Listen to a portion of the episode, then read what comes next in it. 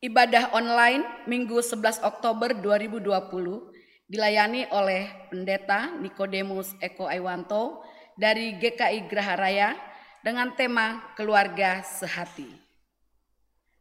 Jemaat selamat beribadah, Tuhan Yesus memberkati.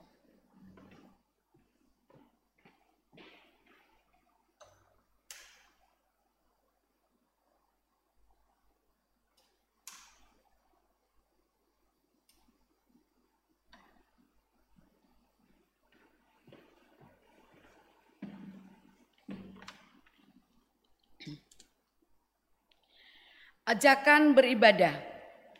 Hari Minggu, hari ini adalah hari ketika kita dapat berkumpul bersama keluarga dan seluruh jemaat Tuhan untuk menyelenggarakan ibadah untuk mendapatkan kesegaran rohani, hari istirahat bagi lelah ragawi.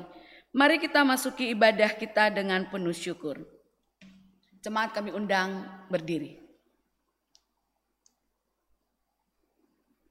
Mari kita menyanyikan Kidung Jemaat 21, baitnya yang pertama dan bait yang kedua, hari Minggu, hari yang mulia.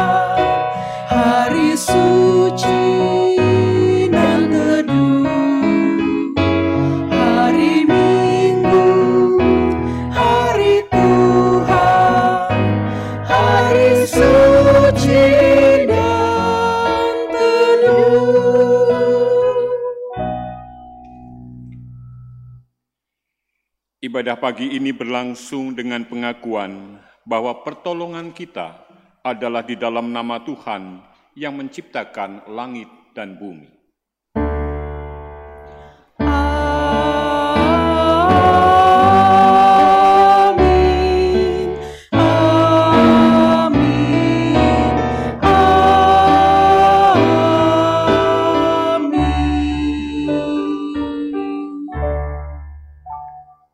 Tuhan beserta saudara. Dan, dan beserta saudara juga. Silakan duduk.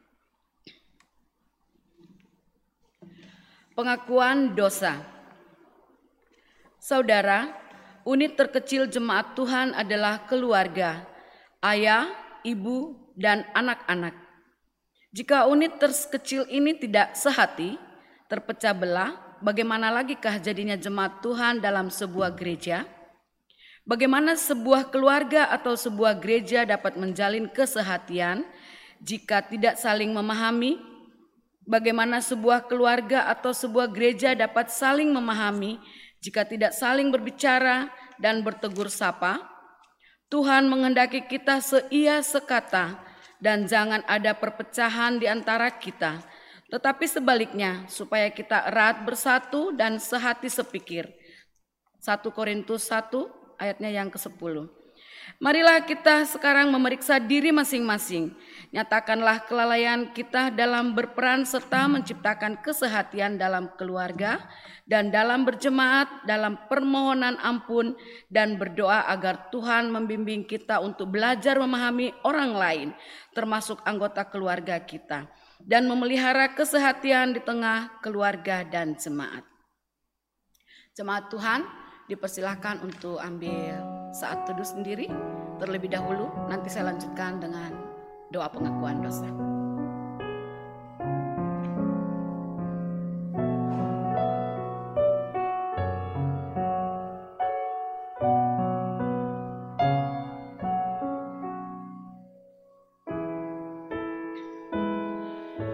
Ya Tuhan, Engkau mengenal kami lebih dari apa pun. Engkau mengetahui apa yang menjadi keinginan kami. Engkau mengetahui setiap tindakan kami. Bahkan Engkau mengetahui setiap pikiran kami. Engkau mengetahui dan mengenal kami lebih dari siapa pun. Engkau menganggap kami sebagai biji matamu yang berharga. Engkau begitu mengasihi kami anak-anakmu. Kami sadar bahwa tidak ada Allah lain seperti Engkau yang panjang sabar dan berlimpah kasih setia. Engkau selalu mengasihi kami meskipun kami telah berdosa di hadapanmu.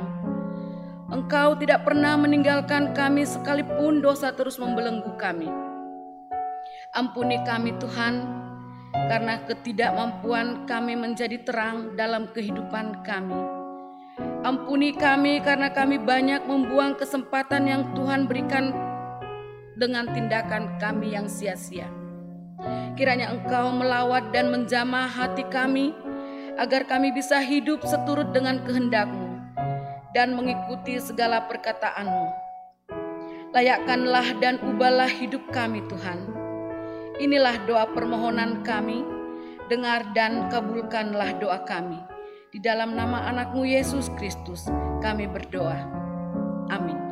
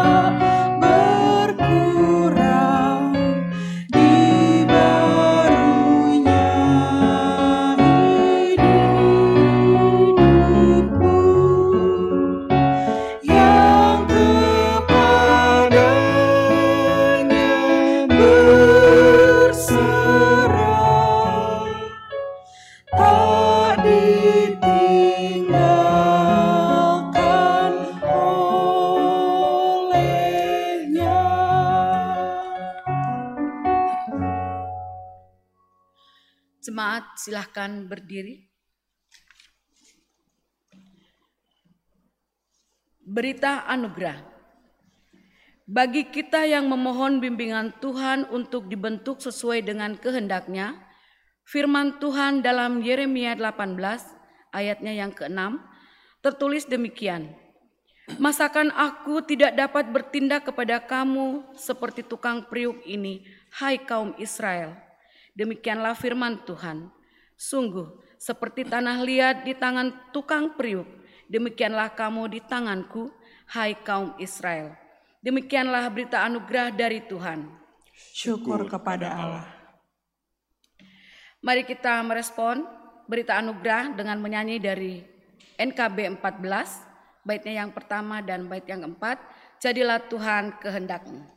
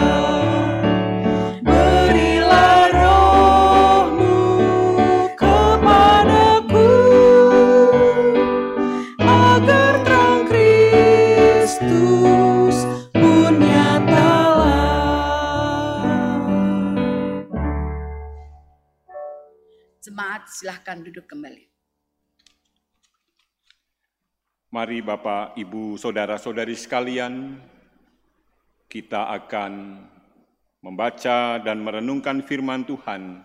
Oleh karena itu mari kita memohon pimpinan Roh Kudus. Mari kita berdoa.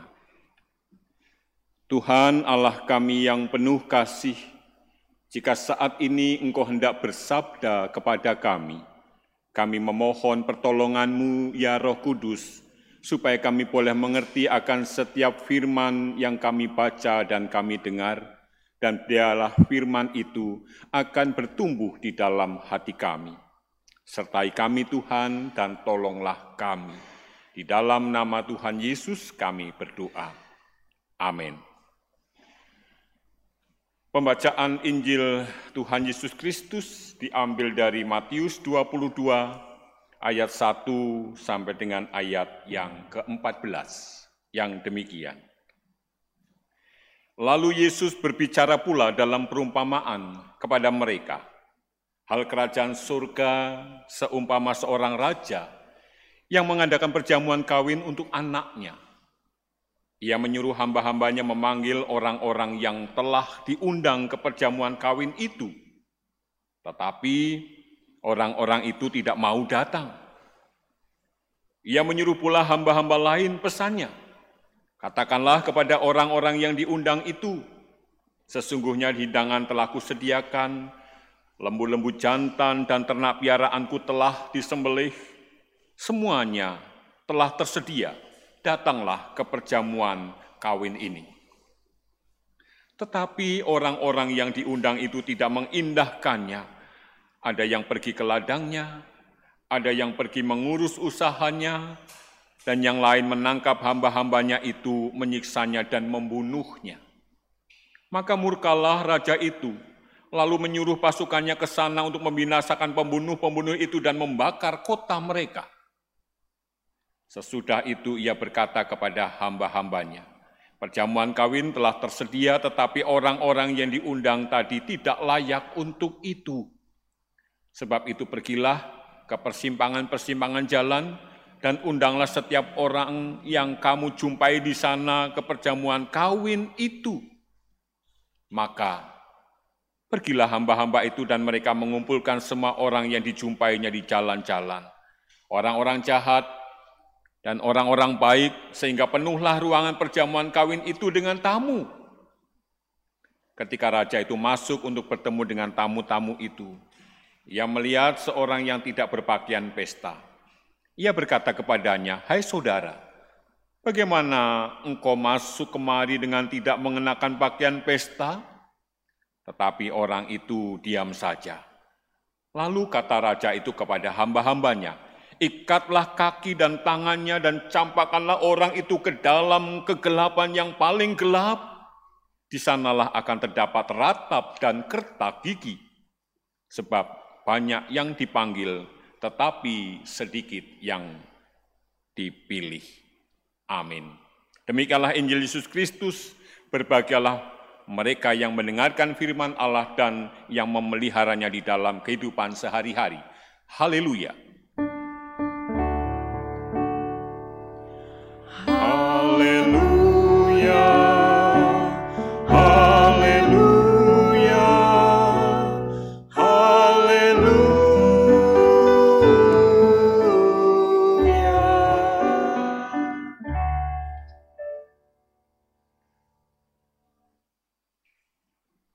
Bapak, Ibu, saudara-saudari sekalian, pada saat ini tema khotbah kita adalah keluarga sehati.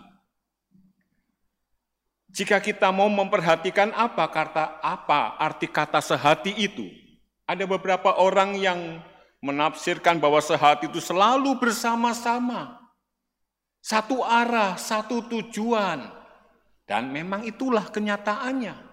Bahwa ketika ada keluarga, ada orang yang sehati, biasanya mereka akan selalu mempunyai pikiran yang bisa sejalan satu dengan yang lain. Tentu kita tidak menolak bahwa ketika kita sehati maka kita akan selalu bersama-sama satu arah, satu tujuan. Lalu pertanyaannya, Bagaimana supaya keluarga kita menjadi keluarga yang sehati? Setiap orang tahu bahwa keluarga yang baik adalah keluarga yang sehati. Bahkan di dalam pelayanan pun kita tahu, di dalam pelayanan adalah yang indah, yang sehati. Tetapi sekarang pertanyaannya bagaimana caranya supaya kita boleh sehati, supaya kita bisa menjadi sehati. Bapak, Ibu, saudara-saudari sekalian, berkaitan dengan hati ada tiga hal. Kalau kita lihat di dalam bahasa Inggris. Yang pertama adalah conscience, yang artinya suara hati, kata hati, atau hati nurani.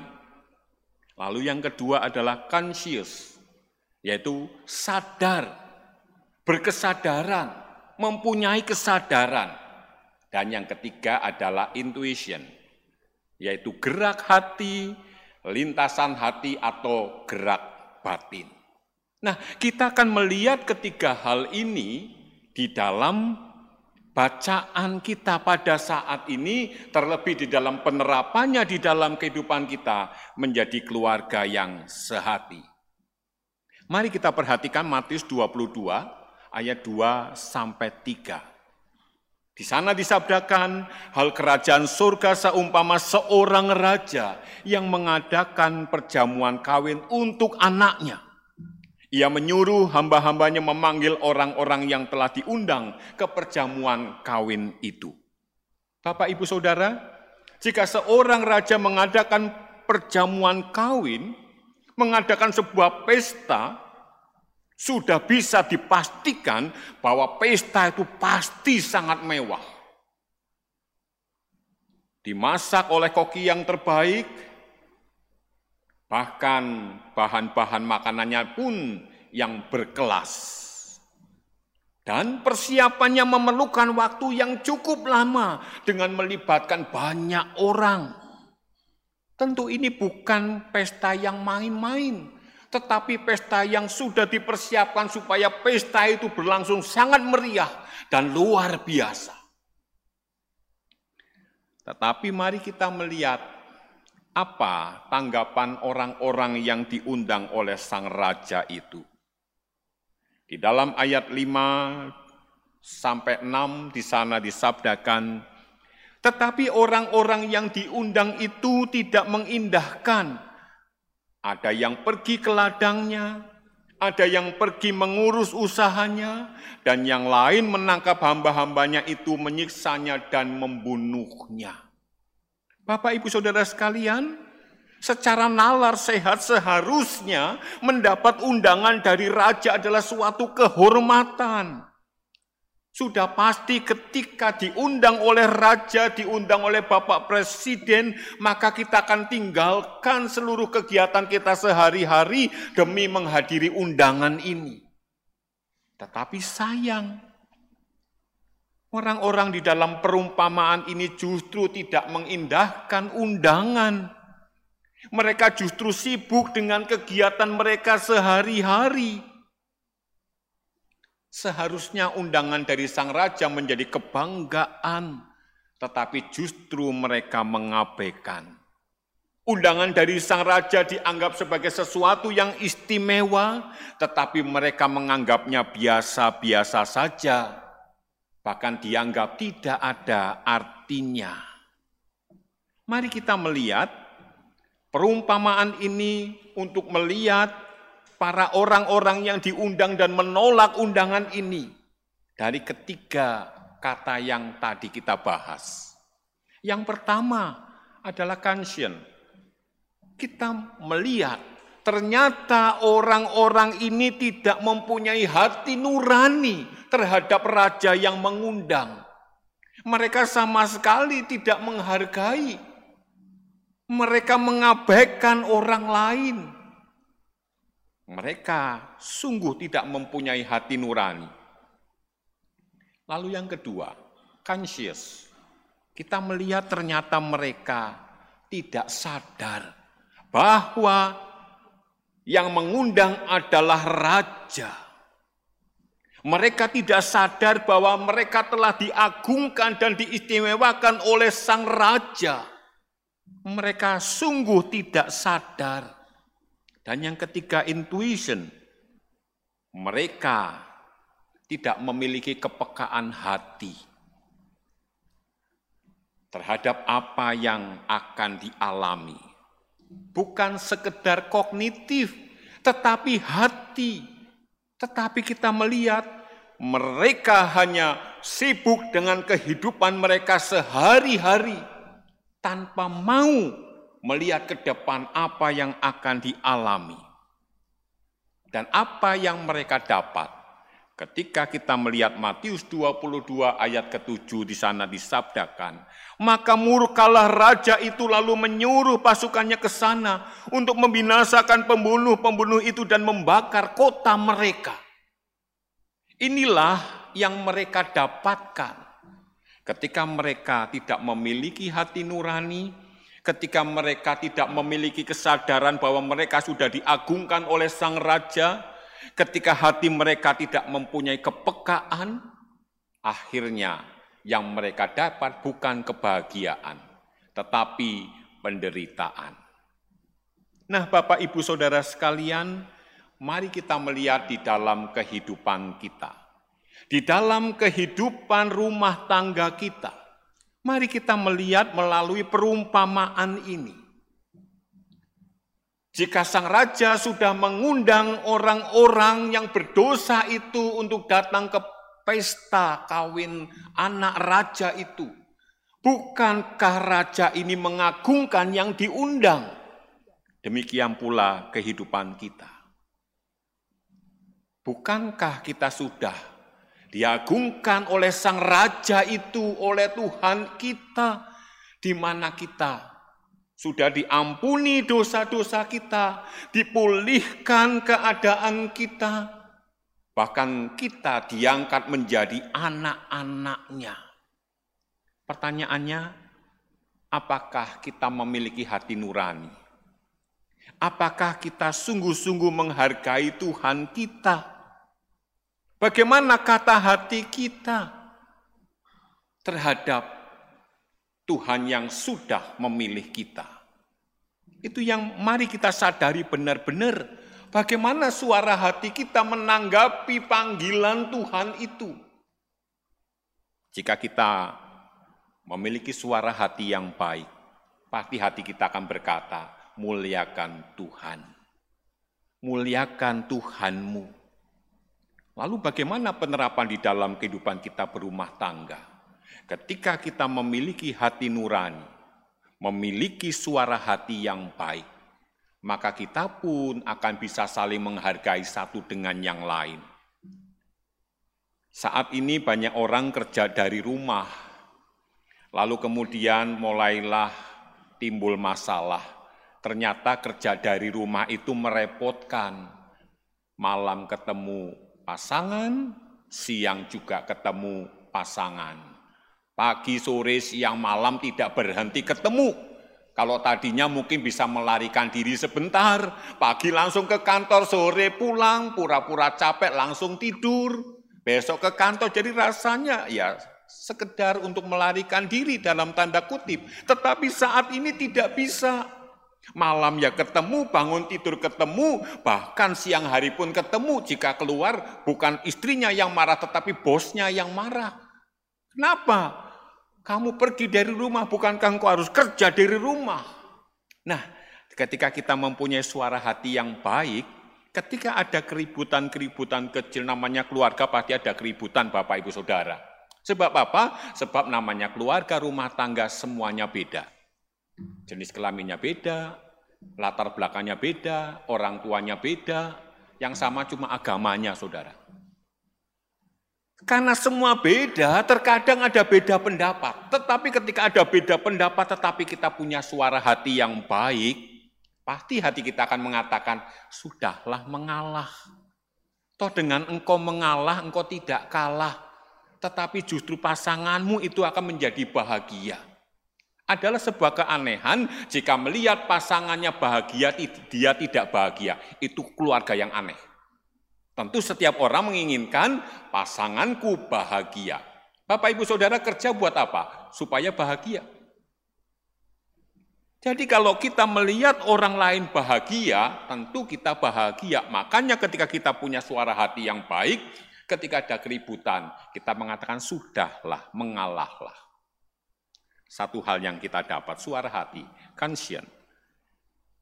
Lalu yang kedua adalah conscious yaitu berkesadaran.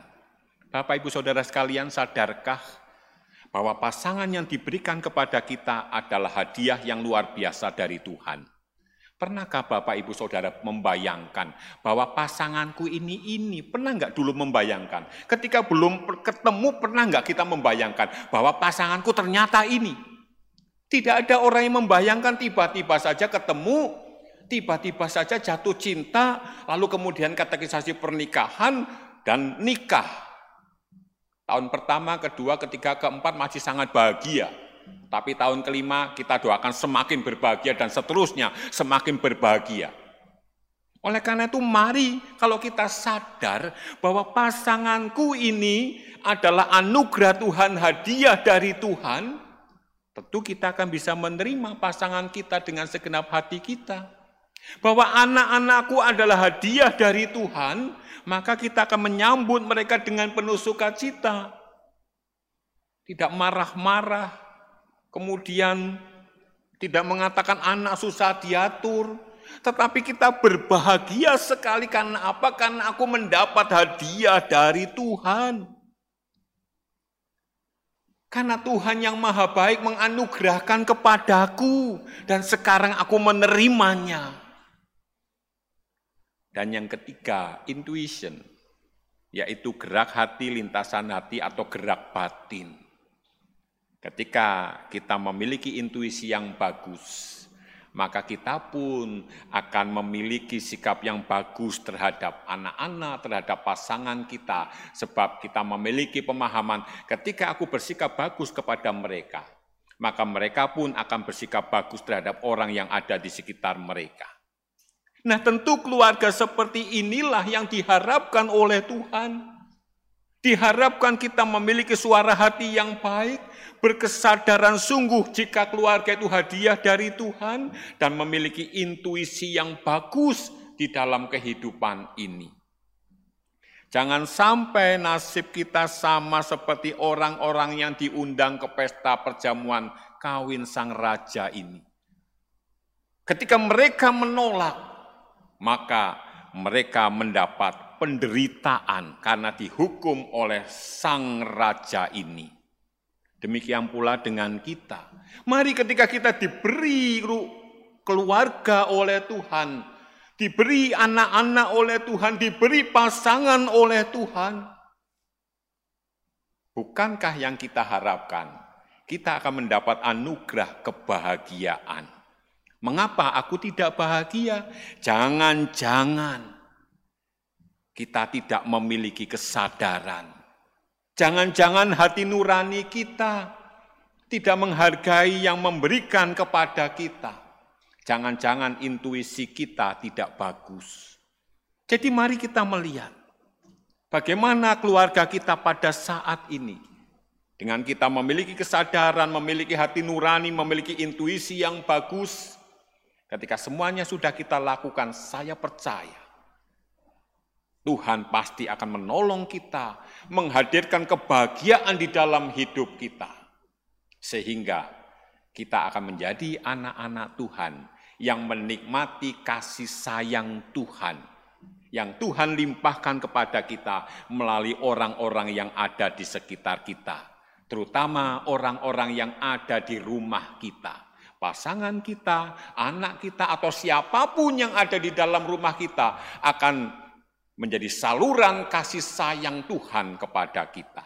Oleh karena itu mari Bapak, Ibu, Saudara-saudari sekalian, pada bulan keluarga ini, mari kita menjadi anak-anak Tuhan yang menghargai hadiah yang sudah Tuhan berikan kepada kita. Mari kita menyambut hadiah dari Tuhan itu dengan sungguh-sungguh mengucap syukur dan menerima setiap orang yang ada di sekitar kita. Selamat menjadi keluarga yang berbahagia. Tuhan memberkati Bapak, Ibu, Saudara, Saudari sekalian. Amin.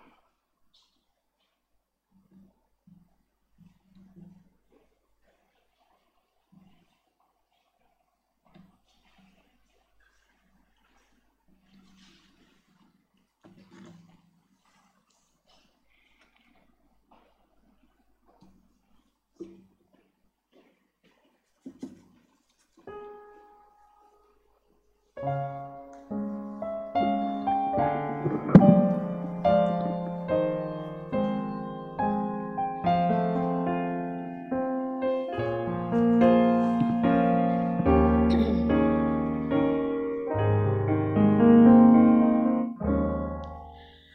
rangkai air mataku jadi permata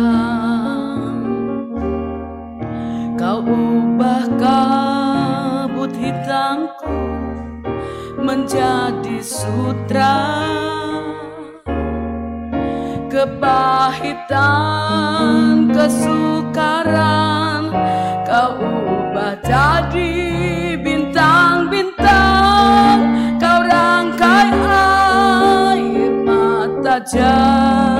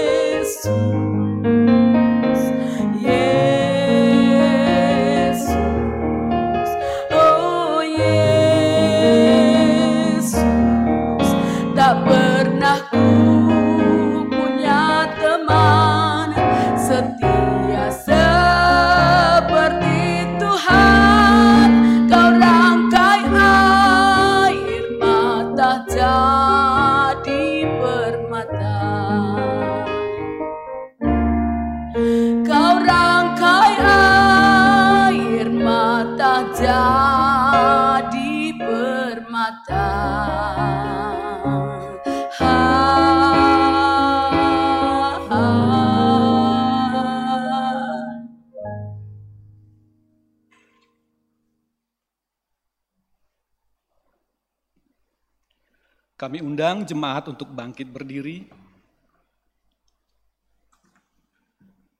Marilah kita bersama dengan umat Allah di masa lalu, masa kini, dan masa depan mengingat pengakuan pada baptisan kita menurut pengakuan iman rasuli.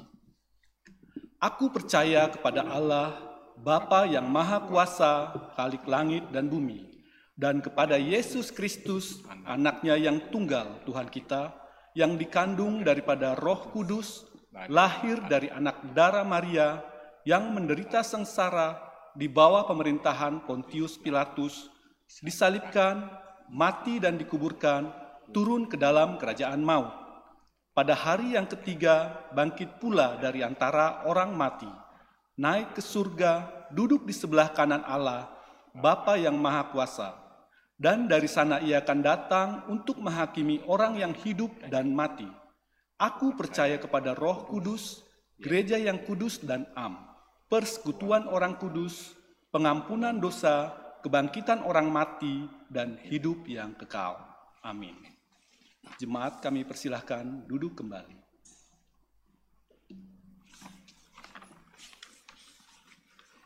Mari kita bersatu di dalam doa. Bapa kami yang di surga, kami mengucap syukur ya Tuhan, kalau kami masih dapat menghadap Engkau di tengah segala kondisi yang melanda dunia ini. Kami mengucap syukur karena Roh Kudus masih mengingatkan kami, mendorong kami untuk berkomunikasi denganmu, karena kami percaya bahwa tidak ada yang lebih kami butuhkan dibandingkan Engkau, terutama di saat-saat ini. Ya Tuhan, kami bersyukur padamu yang telah memberikan berkat dan kuasamu bagi tempat kami beribadah saat ini. Kami juga bersyukur karena Engkau memberikan penyertaan-Mu bagi tempat ini. Kami memohon kiranya hanya Roh Kudus saja yang melingkupi tempat ini, agar kami dapat terus mempergunakannya untuk memuji dan memuliakan namamu. Saat ini, kami jemaat GKI Sarua Indah bersatu hati Tuhan, datang kepadamu. Kami mau memohon bagi pembangunan gereja kami di Nusa Loka. Kami memohon Tuhan, Engkau berkenan membukakan hati para pemimpin di wilayah Tangerang Selatan ini untuk mau memberikan izin bagi pembangunan gereja kami di Nusa Loka. Bukakan juga ya Tuhan hati orang-orang yang terlibat atas penerbitan izin pembangunan gereja kami tersebut. Baik tokoh-tokoh masyarakat, juga warga di sekitar Nusa Loka. Kami percaya ya Tuhan, Engkau sedang berkarya bagi kami. Kami menanti-nantikannya dengan penuh ucapan syukur. Di dalam nama anakmu Yesus Kristus, Tuhan dan Juru Selamat kami. Pada saat ini Tuhan, kami juga berdoa bagi anak-anakmu yang saat ini sedang beribadah. Di mana pun anak-anakmu berada, Tuhan tolong. Tuhan berkati kehidupan anak-anakmu ini dalam kehidupan berkeluarga, dalam kehidupan pekerjaan, maupun apa pun yang mereka lakukan, Tuhan boleh menolong mereka. Sekiranya ada yang sedang di dalam pergumulan hidup kami memohon Tuhan menyertai, Tuhan menolong sehingga mereka akan terlepas dari seluruh pergumulan itu. Kami juga ingat untuk para lanjut usia Tuhan berkati, supaya di dalam usia lanjutnya mereka pun boleh memiliki badan yang nyaman dan sehat. Kami juga ingat untuk sahabat-sahabat kami, saudara-saudara kami yang sakit. Kami serahkan mereka ke dalam tanganmu Tuhan, jamah mereka, tolong mereka. Dan kami memohon, sekiranya mungkin Tuhan kami memohon, Tuhan sembuhkan. Dan kami percaya Engkau adalah Allah yang penuh mujizat, tetapi kembali kami serahkan semuanya ke dalam tangan. Oleh karena itu kami menyerahkan Ibu Gustina Pasaribu Borumarpau, Ibu Mami Palon, Ibu Sara Jaya Sumadi, Ibu Hana Panjaitan, Ibu Yulia Kristianti, Ibu Virginia Samanta Sapang, Bapak Christian Huta Galung, Ibu Nike Elizabeth Buki, Ibu Maria Magdalena, Bapak Wahyu Hidayat, ayah saudara Kristian Dewantara, dan Ibu Yohana Triani, Ibu saudara Kristian Dewantara. Bapak Eli Syahia, Pendeta Dr. Thomas Katomo, MTH, Bapak Rudi Pasaribu, Bapak Andre N. Pasaribu, Tuhan tolong mereka Tuhan. Kami juga boleh mengucap syukur jika di tengah-tengah persekutuan kami kau hadirkan sahabat-sahabat kami yang berulang tahun, Kiranya dengan usia semakin bertambah mereka pun boleh semakin mencintai engkau. Kami serahkan Bapak Arya Jubileum Siagian, Natua Jojo Sri Rezeki Tobing, Saudara Yeremia Kurnia Aji, Bapak Ferdi Jodi Adindum, Saudara Roni Ricardo Alfon, Saudara Daniel Raga, Bapak Antonius Sabadi Hartono, Ibu Wilma Patiwael, Bapak Arvino Tanu Wibawa. Tuhan tolonglah sertai mereka senantiasa. Berkati pula jemaatmu di tempat ini Tuhan, GKI Sarua Indah ini kiranya juga Tuhan tolong di dalam pelayanannya. Tuhan berkati supaya gerejamu ini boleh terus bertumbuh. Dan biarlah namamu dipermuliakan di tempat ini. Kami berdoa bagi para pemimpin kami, tolong mereka, sertai mereka. Kami juga memohon supaya pandemi ini boleh cepat berlalu. Kami percaya Tuhan mengasihi kami, oleh karena itu kami naikkan doa kami ini hanya di dalam satu nama Tuhan kami Yesus Kristus yang telah mengajar kami berdoa.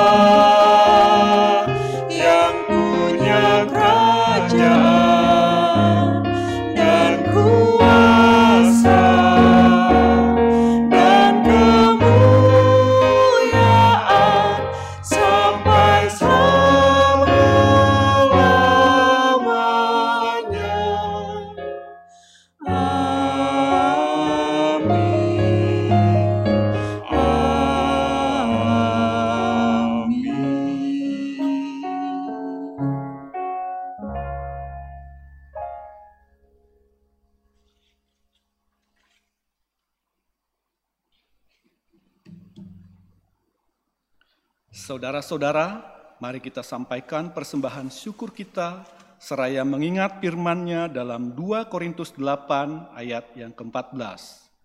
Maka hendaklah sekarang ini kelebihan kamu mencukupkan kekurangan mereka, agar kelebihan mereka kemudian mencukupkan kekurangan kamu supaya ada keseimbangan.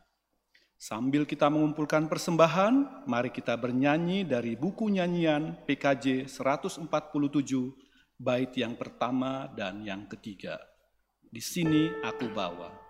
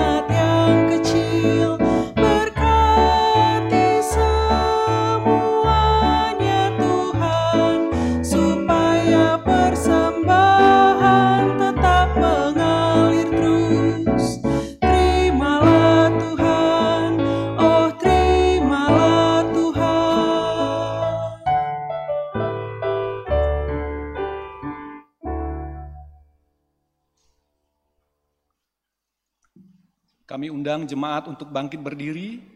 Mari kita berdoa. Ya Allah, Bapa kami yang di surga, kami mengaku dengan setulus hati Engkaulah sumber segala berkat dan karunia. Di sini kami memberikan persembahan syukur kami kepadamu. Terimalah persembahan umatmu dan berkatilah menjadi alat kesaksian, persekutuan, dan pelayanan jemaatmu ini. Ajarlah kami Tuhan untuk tidak menahan kebaikan selagi kami masih bisa melakukannya di dalam kasih-Mu. Jadikanlah hidup kami persembahan yang berkenan kepadamu, dan pakailah hidup kami untuk turut menghadirkan tanda-tanda kerajaan-Mu di seluruh dunia ini. Kami percaya apa yang kami beri saat ini adalah juga bagian yang harus kami bagikan kepada sesama kami. Bukalah hati kami oleh roh kudusmu, agar kami senantiasa mengucapkan syukur kepadamu. Di dalam nama Tuhan Yesus Kristus kami berdoa. Amin.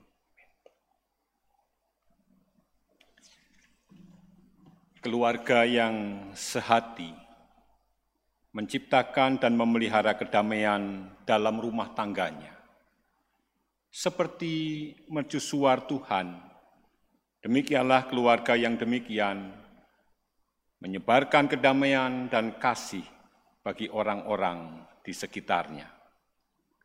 Mari kita memuji nama Tuhan dari PKJ 286 bait 1 dan 2, keluarga yang damai.